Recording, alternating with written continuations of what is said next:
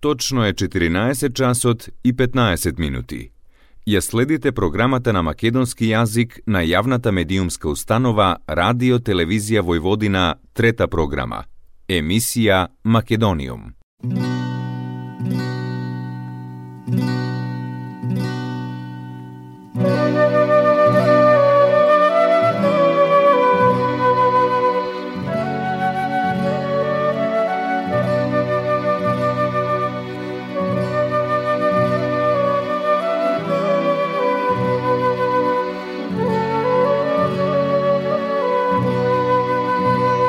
Македониум.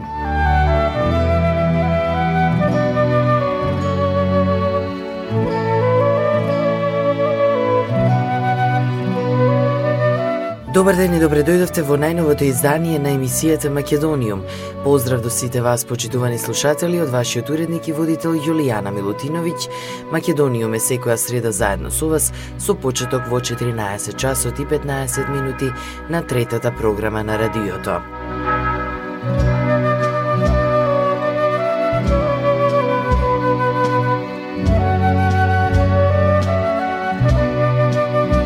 Македониум.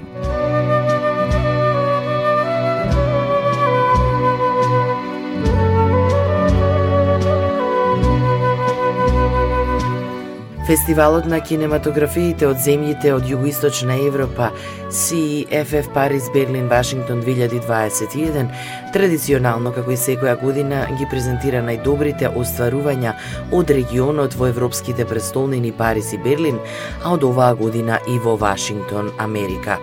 Во селекцијата на фестивалот кој започнува на 2 јуни и ќе трае до 7 јуни, се избрани македонските играни филмови Ефектот на среќата од Боријан Зафировски и ТМ од Ивица Димитриевиќ и Мартин Иванов.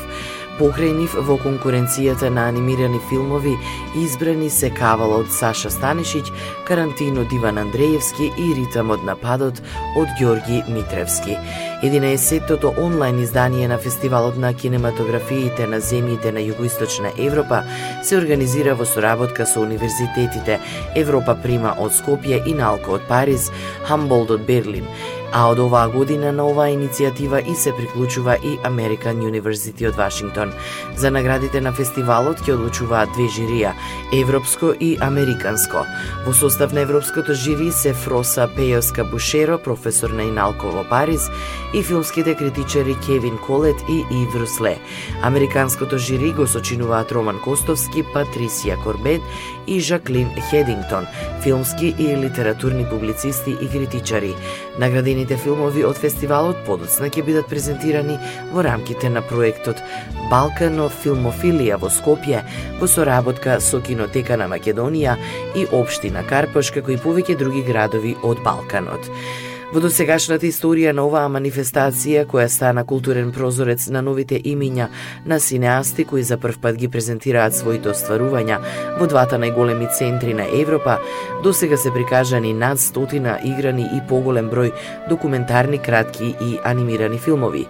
Покрај тековната фестивалска продукција во соработка со Академија Балканика Европијана, фестивалот ги воведе признанијата легенди на Југоисточна Европа, во која ги вреднуваше опусите на режисерите Велико Булаиќ, Душан Макавеев, Луцијан Пинтилие и Боро Драшковиќ.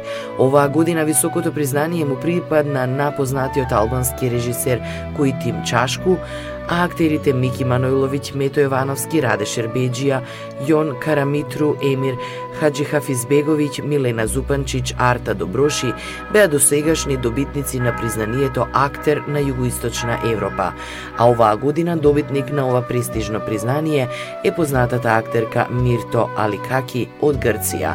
Признанието за животно дело во областа на филмската документаристика Гран При Фредерик Росев 2021, кој го носи името на еден од најпознатите автори на документарниот филм во светот и припадна на Виржини Линхарт од Франција. Наградата Европа Прима му е доделена на познатиот дипломат и филантроп Педро Гудел, почесен конзул на Македонија во Португалија.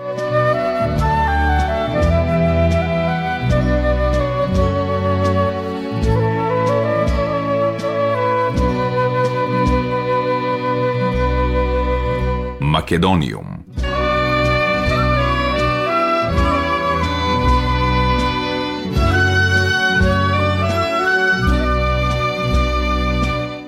Девчанскиот карневал или како што го нарекуваат најголемиот театар на отворено, ќе се одржи годинава од денеска до 14 јануари и покрај ковид пандемијата и голем број на заразени. Како што велат надлежните од општина Вевчани се работи за вековна традиција која е препознатлива во светски рамки, а која и годинава ќе има традиционална програма со музика и сите обичаи. Фестивалот започнува денеска на 12 јануари, а трите дена колку што ќе трае покрај дефилето на маскираните василичари, кои и годинава на сатиричен начин ќе упатат пораки и критика до надлежните, поради актуелните состојби во државата и светот, присутните ќе имаат можност да проследат и фото фотоизложба во мултикултурниот центар во Вевчани, како и музичка програма. И покрај пандемијата нема скратување на карневалската програма, но сите настани ќе се одржат со почитување на пропишаните ковид мерки за пандемиски услови. Ке бараме носење на заштитни маски, да нема поголеми групирања и да се држи безбедно растојание.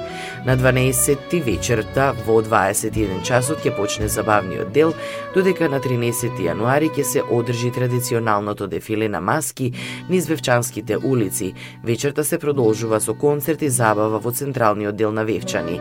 Василичарските друштва го организираа нивниот дел, а вечерта ќе имаме огномет и пречек на православната нова година, одење на Вевчанските извори, полнење вода и на 14 јануари е Василичарското оро во центарот на Вевчани. Значи, со почитување на ковид мерките, ќе продолжиме онака како што со години беше организиран Вевчанскиот карневал рече градоначалникот Спасе Кочовски. Тој изрази надеж дека нема да има драстични мерки од Комисијата за заразни болести во однос на одржување на настани на отворено како што е овој, но и дека се апелира на придружување на постоечките. Кочовски исто така истакна дека за следење на Вевчанскиот карневал има интерес и покрај тоа што се одржува во текот на работните денови и пандемијата. Покрај традиционалното Василичарско оро на 14 јануари, карнавалот ќе заврши и со традиционално палење на маските во центарот на Вевчани.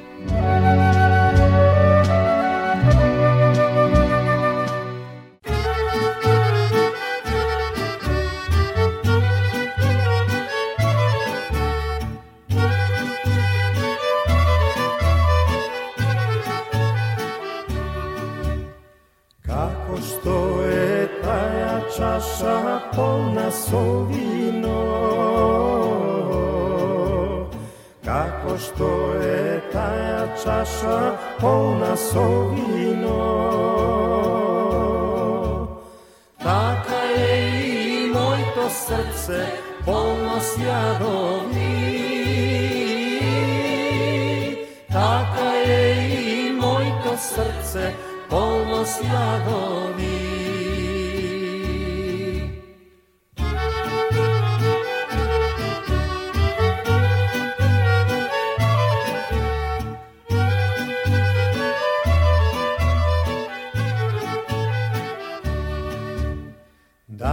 napijam, mila majko, da se opijam. Daj da pijam, mila majko, da se opijam. Ja dolite, mila majko, da zaboravim.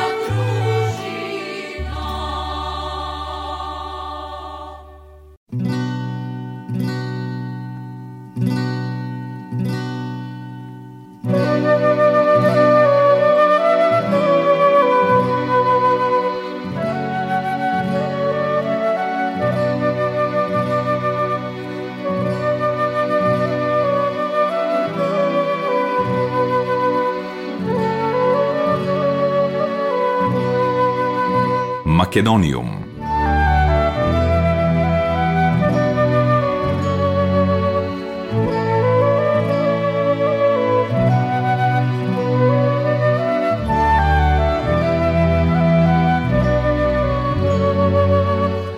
Откако лани првпат свиреа заедно на фестивалот Музика Мунди крај Брисел, македонскиот пианист од светски глас Симон Трпчевски овој месец ќе дели сцената со легендарниот руски виолинист Максим Венгеров уште три пати.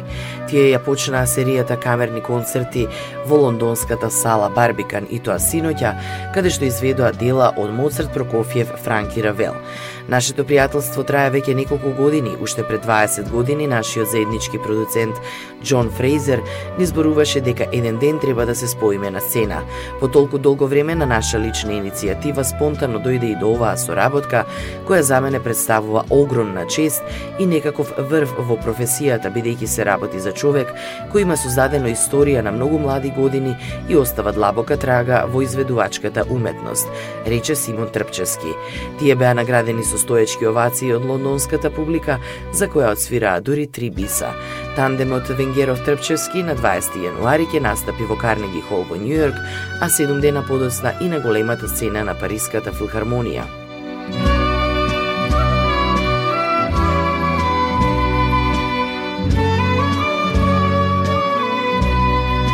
Македониум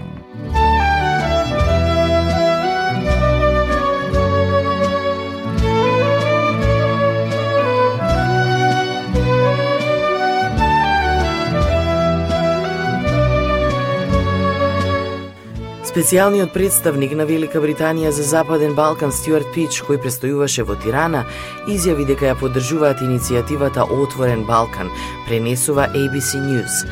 На средбата со представници на Министерството за Европа и надворешни работи, тој позитивно ја оценил улогата на албанците во регионот. Високо ја оценувам улогата на Албанија како стабилизирачка сила во регионот, Во разговорот што го имал со студенти и млади дипломати, ја коментирал иницијативата Отворен Балкан, што ја преземаа Албанија, Србија и Северна Македонија, Велики дека ја поддржува се додека не ги попречува другите паралелни иницијативи. Во мојата улога и во нашето искуство, ние ја почитуваме владата на Албанија и низиниот суверенитет, Тоа се иницијативи кои меѓусебно ќе се надополнат и не треба да се гледаат во конкуренцијата меѓу постоечките и новите. Ние од срце го поддржуваме отворен Балкан, се додека не создава конкуренција, оценил Стюарт Пич. Целта на неговата посета беше безбедноста во регионот, соработката во НАТО и Советот за безбедност на Обединетите нации, како и 100 годишнината од односите меѓу двете држави.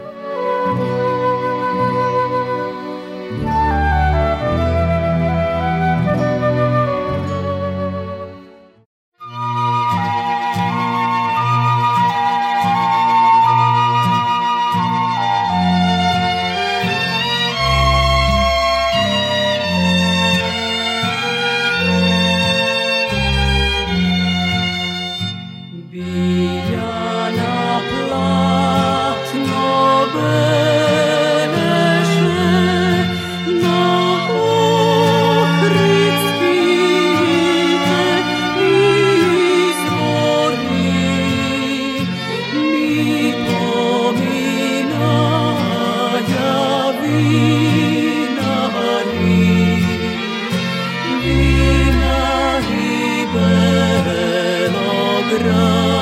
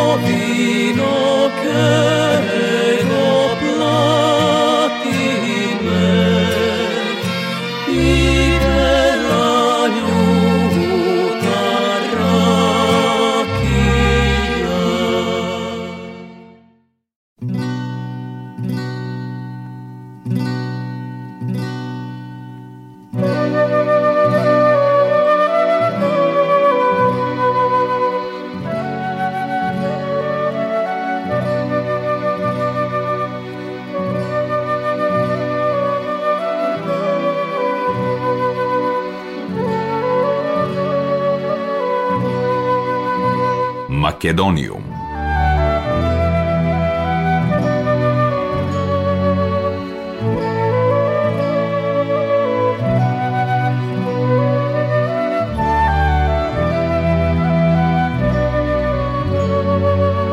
Расте процентот на граѓани во Бугарија кои сметаат дека треба да се каже да за почеток на преговорите меѓу Северна Македонија и Европската Унија и без предходен договор за отворените прашања, јавува Македонската информативна агенција.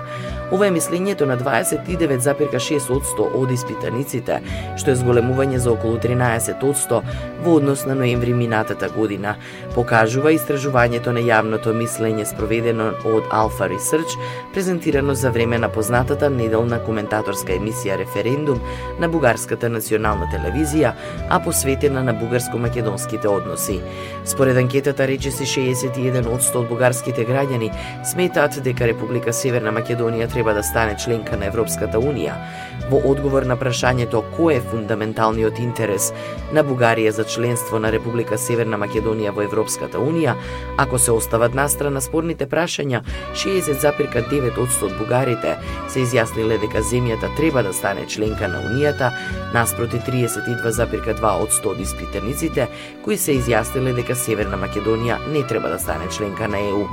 На прашањето дали Бугарија треба да каже да на почетокот на преговорите во Северна Македонија без да се постигне договор за отворените прашања, со да одговориле 29,6% од испитаниците, што е зголемување за околу 13% во однос на одговорите дадени во анкетата во ноември 2020 година, кога 16,9% одговориле потврдно.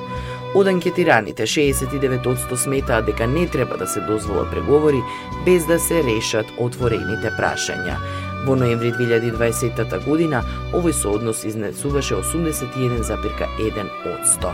Мнозинството од анкетираните, како и бугарскиот премиер Кирил Петков, веруваат дека сегашните позиции на владите треба да се надградат.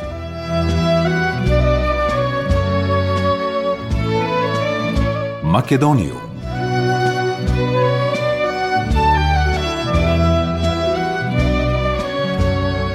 Заменик помошникот на државниот секретар на Соединетите Американски држави за Западен Балкан Габриел Ескобар за гласот на Америка на македонски јазик рече дека зборувал со Франција за пристапните преговори на Северна Македонија со Европската Унија и оти верува дека може да се постигне договор за кусо време. Веќе зборувавме со Франција, ставивме јасно до знаење дека ние веруваме дека членството на Европската Унија за сите држави од Западен Балкан е од суштинско значење за сите нас. Веруваме дека се тие дел од Европа, веруваме дека како што ги исполнуваат условите за затворање на поглавјата треба да бидат се повеќе интегрирани во Европската Унија и мислиме дека тоа ќе биде решение за сите држави. Секоја држава што влегла во Европска Унија станала по-демократска, по-просперитетна и по-стабилна, изјави тој и додаде. Пристапниот процес на Северна Македонија во Европската Унија треба да го реши Европа. Сепак ние силно ја поддржуваме кандидатурата на Северна Македонија Веќе веруваме дека има завршено огромна работа, таа е веќе европска држава, културно и историски европска држава. Оттаму сакаме да го видиме да се започне процесот што е можно побргу. Тој рече дека верува од Европската Унија не ја разочарала Северна Македонија бидејќи и натаму продолжува да ја помага. Верувам дека ќе постигнеме соодветен договор за многу кус временски период. Ќе работиме на тоа, кажа тој. Ескобар смета дека 6 месеци, како што најави бугарскиот премиер Кирил Петков, за решавање на спорот со Северна Македонија, се доволни да се решат проблемите, иако нагласи дека постои фрустрација меѓу европските партнери, оти процесот не се одвива брзо. Тој исто така рече дека Соединетите Американски држави остануваат на позицијата дека Северна Македонија и Албанија не треба да се одвојуваат во процесот на пристапување во Европската Унија. Нема промена во позицијата на Соединетите Американски држави.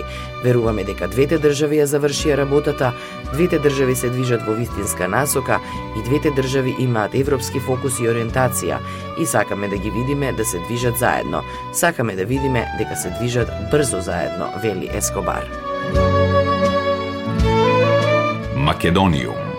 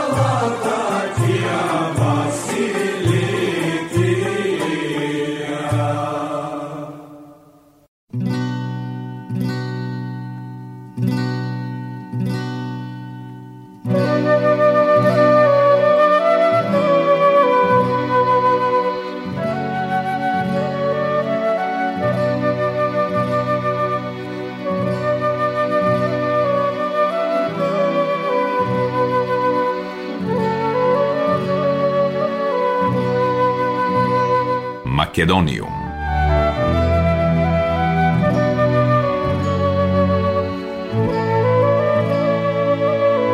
Почитувани слушатели, тоа беше се во денешното издание на емисијата Македониум. До следната среда во исто време срдечен и голем поздрав од вашиот уредник и водител Јулијана Милутиновиќ.